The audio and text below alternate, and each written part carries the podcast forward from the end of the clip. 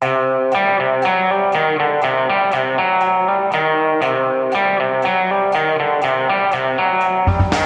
speaking to you at what I know is an increasingly challenging time. A time of disruption in the life of our country. A disruption that has brought grief to some, financial difficulties to many, and enormous changes to the daily lives of us all. Ja, det var altså dronningen som eh, holdt en tale, nærmest litt sånn eh, eh, Litt sånn Darkest Hour-tale til det engelske folk, og det er det all mulig grunn til. Vi skal snakke om flere aspekter ved England i dag. og i den anledning har jeg samlet de to mest engelskvennlige personene i hele kommentaravdelingen. Hans Petter Sjøli og Yngve Kvistad de er så engelskvennlige at vi får Richard Herman til å fremstå som frankofil.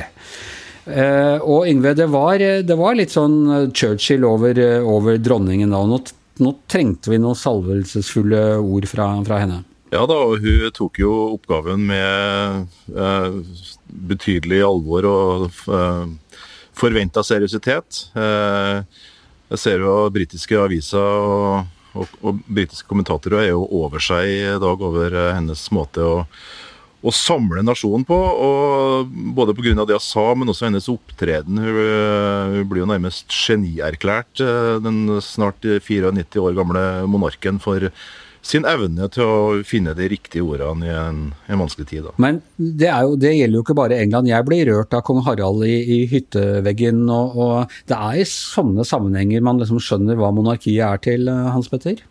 Ja, det er helt nydelig. Vi som jo er naturlige republikanere, for så vidt, jo, ble jo, ble jo eh, monarkister i sånne sammenhenger. Jo, det viser jo også, syns jeg, at, eh, at, kongehus kan Altså har en samlende funksjon eh, de facto. Den har det. Det fungerer som et flagg, det fungerer som en sånn totempel som hele nasjonen samler seg rundt. og det tror jeg, Så, så lenge at kongehuset oppfører seg som normalt, så tror jeg kanskje det er en styrke for, for, demokratiet å ha en sånn uh, upolitisk figur på toppen. Men altså, eh, dronningen holder denne talen. Så går det fem minutter eller noe sånt, eller det går sikkert lenger. Men eh, neste push-varsel er Boris Johnson innlagt på sykehus med koronafeber. Eh, tilfeldig? Neppe, Yngve Kvistad.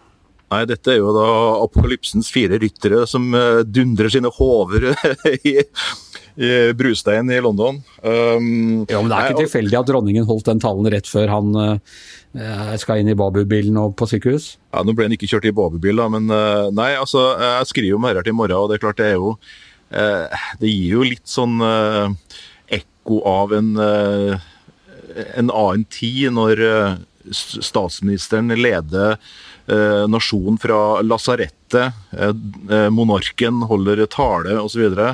Eh, det er jo Det gir jo gjenklag om ting som, noen ting som skjedde for 70-80 eh, år siden. Men eh, jeg vet ikke akkurat om det var avklart og avtalt at det, skulle skje den, den sammenhengen. Jeg tror nok at dronningens tale var, var nok avklart på et tidligere tidspunkt. Hva tror du, Hans Petter? Tror du det var det ble jo bare en spekulasjon, for så vidt.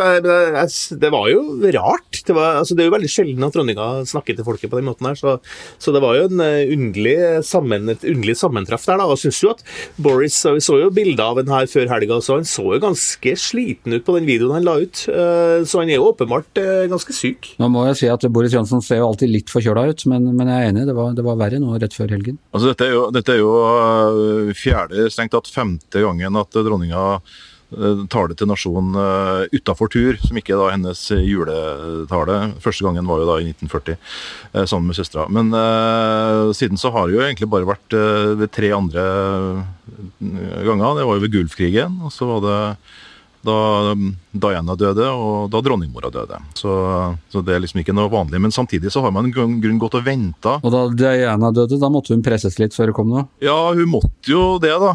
Eh, men eh, det var jo for så vidt det var jo en, en begrunnelse for eh, at det skjedde den rekkefølgen det gjorde den gangen òg. Men nå, som sagt, de har jo gått og venta på at vi skulle, skulle, holde en tale til nasjonen. Hun har jo tidligere kommet med en sånn statement. og så Nei da, og som Hans Petter sier, det viser jo, viser jo altså, monarkiets styrke i en sånn sammenheng. altså Det er den nøytrale stemmen som, som snakker. altså Det sies jo om dronning Elisabeth at til å og inneholdt en posisjon i, i, alle de årene, så er det jo for det første forbløffende lite man strengt tatt egentlig vet om henne. Og det andre er jo ingen som aner ting hva hun egentlig mener, for hun har jo aldri uttrykt en eneste mening eh, noen gang. Men eh, sånn i en situasjon som dette, så ser du at eh, ja, hun evner jo da å og jeg holdt på å si roe gemyttene. da. I Vi vet jo litt litt mer om det nå etter at vi fikk The Crown Nei, The, the Queen. Nei, The Crown. Nei, men altså, vi, ser, vi ser jo forskjellen ikke sant, på, på når, når, dronning Elisabeth snakker, og når da den valgte republikanske president uh, Trump uh, snakker. ikke sant? Altså, den, den, den, ene splitter, den andre forener. Ja da, Nå har de hatt andre presidenter der som har klart den oppgaven litt bedre. Hans Petter? Ja, det kan jo si at det er jo ikke, det er ikke, typ, altså det er jo ikke bare eller, eh, dronninga dronning Lisbeth som har gjort det her. så Vi har jo eh, monarker over hele Europa har jo talt til folket. til med, Kong Harald hadde jo en tidlig, kort veldig, tale som var laget veldig tidlig, og så svenskekongen i går også ute. Og, og, så, så, det er jo en eh, det er jo noe de må, alle, alle sammen anerkjenner at vi nå står i en helt, helt helt spesiell situasjon. Kanskje den mest dramatiske siden andre verdenskrig, og da er det jo ikke noe rart at, at monarken trer fram på en måte her. Nei, vår egen konge snakket fra hytta. Hva, hva synes syns vi om det? Er det det rette signalet? ja, Innafor samme kommunen, da, får vi Ja. Ja, ja. Det er vel det som er at man bør Det er sånn vi bør planlegge fremtiden. Bør kjøpe oss hytte i samme kommune som vi bor i.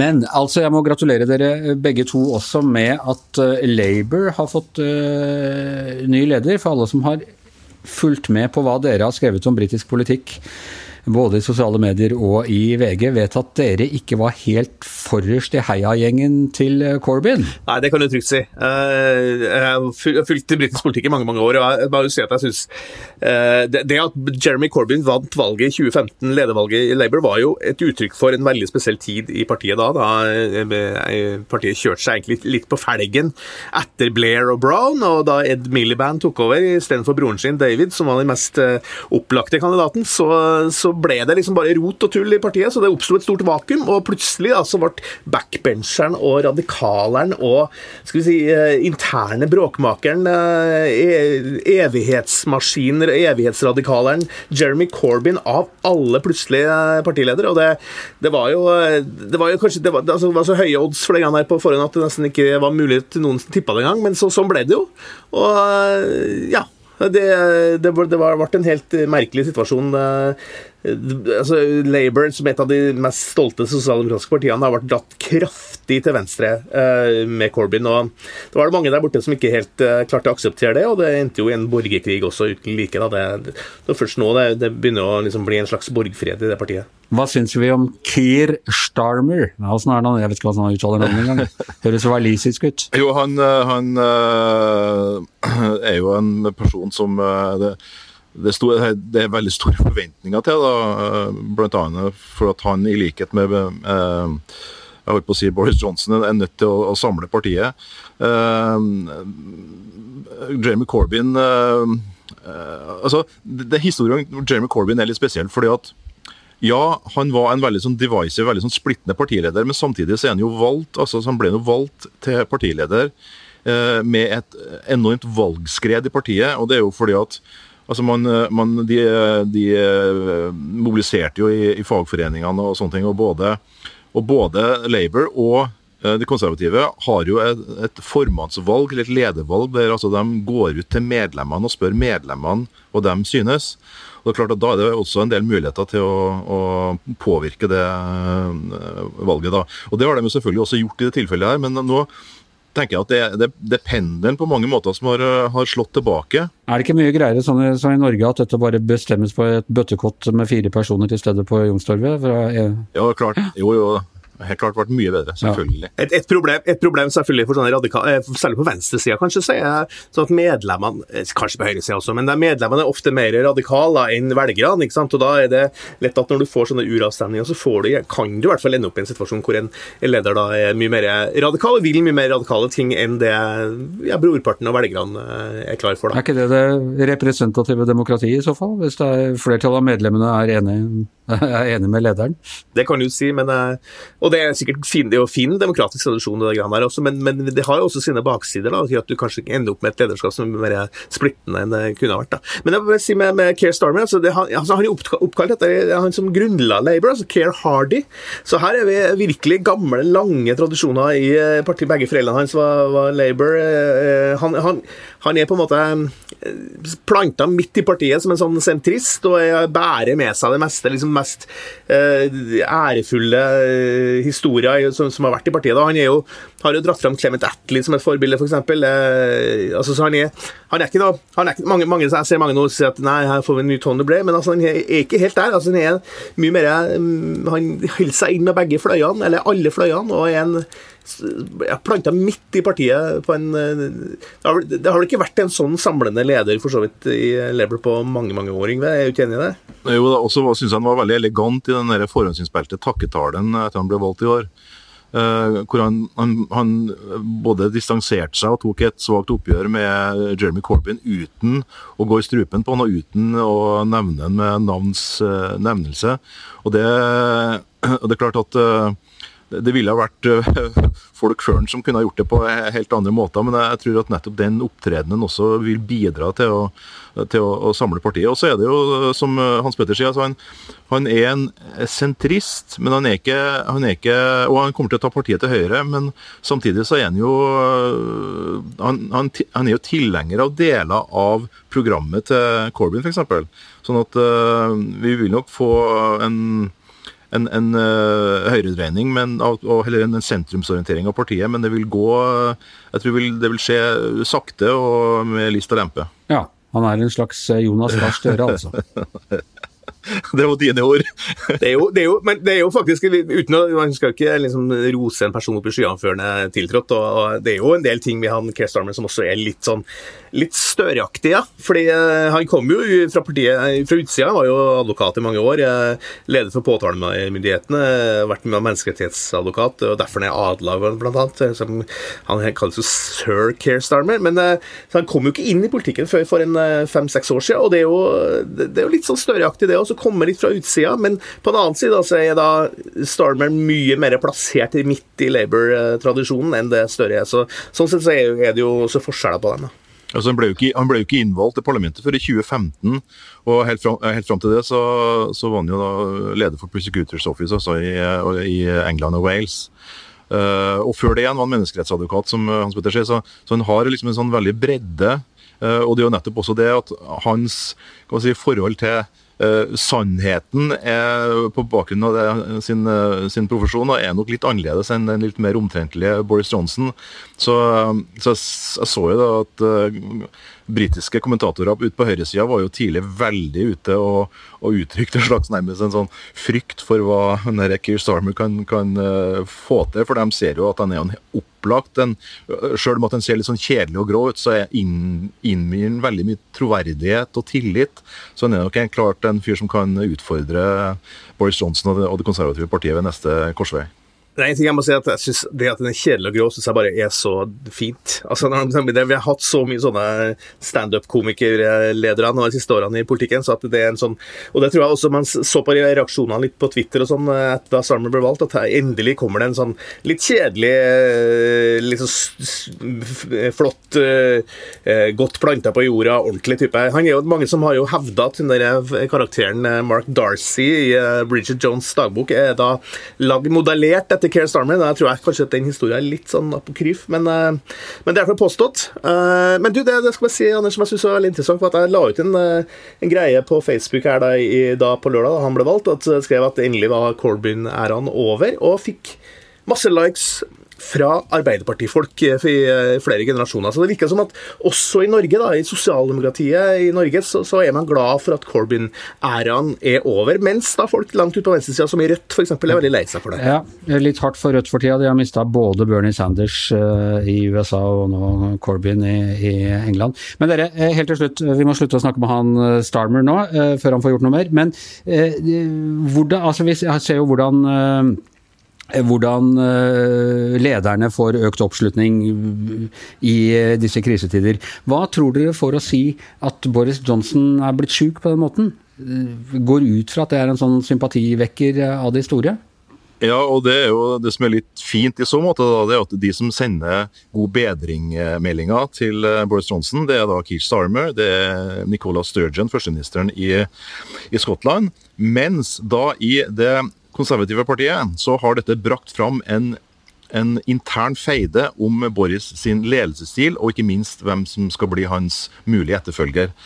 Michael Gove Uh, som er da leder for, uh, for, regjeringskontoret. altså Han har en sånn stilling som er mellom regjeringsråden i Norge og den, uh, den ministerfunksjonen som Karl Erik Schjøtt-Pedersen hadde i, i Stoltenberg-regjeringa. Han har jo forventa å, og, og være ikke arvtaker. For at, til hans embete så ligger også tittelen som first minister, altså som førsteminister og visestatsminister. Bortsett fra at Boris Johnson han er nok litt redd for Michael Gove, så han sørga for å i stedet utnevne Mark, eh, Dominic Raab, altså eh, utenriksministeren, til, til, den stillingen, til den posisjonen som visestatsminister. Så han er jo den nå som skal overta, og som, over, som nå leder regjeringsarbeidet, og som eh, i, i Boris Johnson sitt fravær. Uh, og som også ses på som en mulig arvtaker, hvis det er sånn at Boris Johnson ikke kan uh, fortsette arbeidet sitt sånn. For det er jo også krefter og stemmer innad i Tory-partiet som nå tar til orde for at han kanskje bør tredje tre til side. Og, og, Som begrunnelse for det så, så sies det bl.a. at han er for opptatt altfor opptatt av å ligne på Vincent Churchill, at han på død og liv styrer landet også gjennom sviktende helse. Sånn at av hensyn til seg sjøl så bør han, eh, bør han, tre tilbake, sies det. Ja. Det blir spennende å se. Hvis han er tilbake i Downing Street 10 igjen i morgen, så, så var jo dette forbigående. Vi må ta en annen ting på, på tampen her. Eh, den saken som har satt uh, flest sinner i sving denne helgen, det var en sak Dagbladet hadde. De uh, mente at for mange folk hadde vært ute og gått på Grünerløkka i det fine været i helgen. De illustrerte dette dels med noen intervjuer med folk på gaten med, med video og det hele, men dels også med et Eh, bildet tatt med telefotolinse litt høyt opp på løkka, så at du liksom fikk et sånn sammenpressa perspektiv. Ganske vanlig for så vidt, sånn man gjør på 17. mai og og fra Slottsplassen. Og sånn Trump gjør når han tar bilde av mengdene foran seg. Ja, ja. Altså, da, da, ser folk Brennvidden blir annerledes, og folk ser, ser ut som det står litt tettere. Uh, dette har vakt et volds, altså, voldsomt raseri. Folk driver med sånne små legobrikker og forklarer hvordan, på sosiale medier hvordan dette her er. Kaller det fake news og billedmanipulasjon. Uh, og på den andre siden så har det også skapt en sånn fra de vanlige, vanlige Oslo-haterne at dette viser hvordan folk i Oslo, særlig Grünerløkka, som jo da selvfølgelig er det aller verste på Oslo, i Oslo, uh, ikke tar denne saken alvorlig og nok og i det hele tatt. Og et virkelig Jeg vet ikke om det, om det, er, jeg skal si det er latterlig eller skremmende raseri i sosiale medier over en kanskje ikke altfor viktig ting. Eller hva tror dere? Ja, Det der syns jeg var en merkelig greie i helga. så det var bare Folk ble så forbanna. Det var jo en sånn totrinnsrakett som du beskriver. Sagt. Først så er det sånn Å, Oslo er bare, bare folk gir faen og sånn. Og så er det etterpå er det da en motreaksjon som blir like sterk. da. Det er litt sånn typisk Facebook-måte å gjøre det på. Men jeg ble jo fascinert over sinne og liksom Eh, beskyldninger om fake news, beskyldninger om en slags sånn uh, at Dagbladet er ute etter å, å, ta folk og, og, lage en sånn kunstig by-land-situasjon. Sånn, sånn, var det jo mest sannsynlig ikke.